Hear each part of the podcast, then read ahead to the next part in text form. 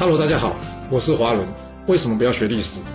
因为学历史会让你了解到顶层阶级的思考方式，成为他们的竞争者，所以他不希望你去学。还有学历史会让你看到许多前人成功及失败的案例，你的竞争对手想要好好的睡个觉，所以他也不希望你去学。最重要的是，学历史会让你了解人性，你的老板以及同事都希望你保持天真的心，所以他们更不希望你去学。就是因为这些原因，接下来我要跟你说的是故事，而不是历史。今天的主题是啊，你面对的对象到底是哪一位啊？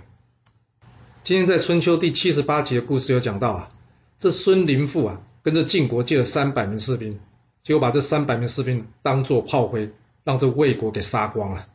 之后呢，他再拿这件事呢去向晋国告状。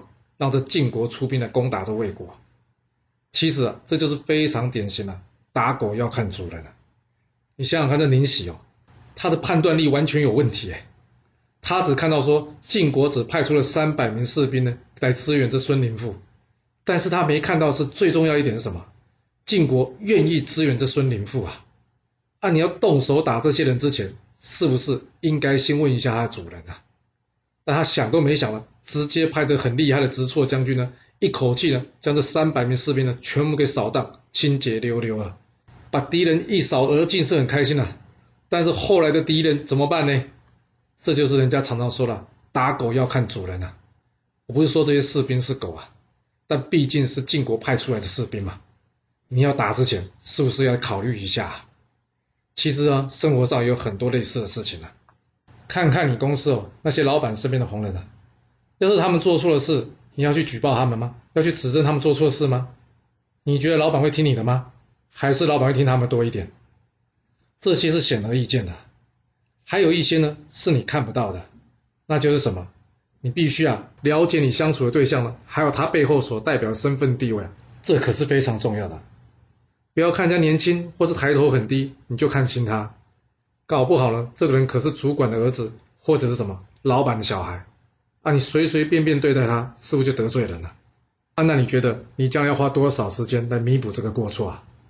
所以呢，谨慎行事非常重要。还有什么？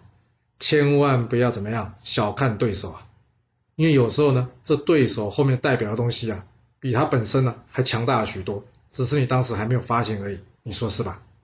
若是你有其他想法，也欢迎留言分享给大家或告诉我哦。好啦，我们今天先说到这。如果你就是不听我的劝，想知道完整版的故事内容，你可以从说明栏找到我爱故事频道的连结。不过记住哦，你是来听故事的，而不是来学历史的。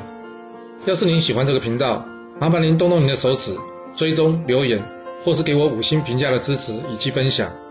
谢谢您来收听，我们下次再见。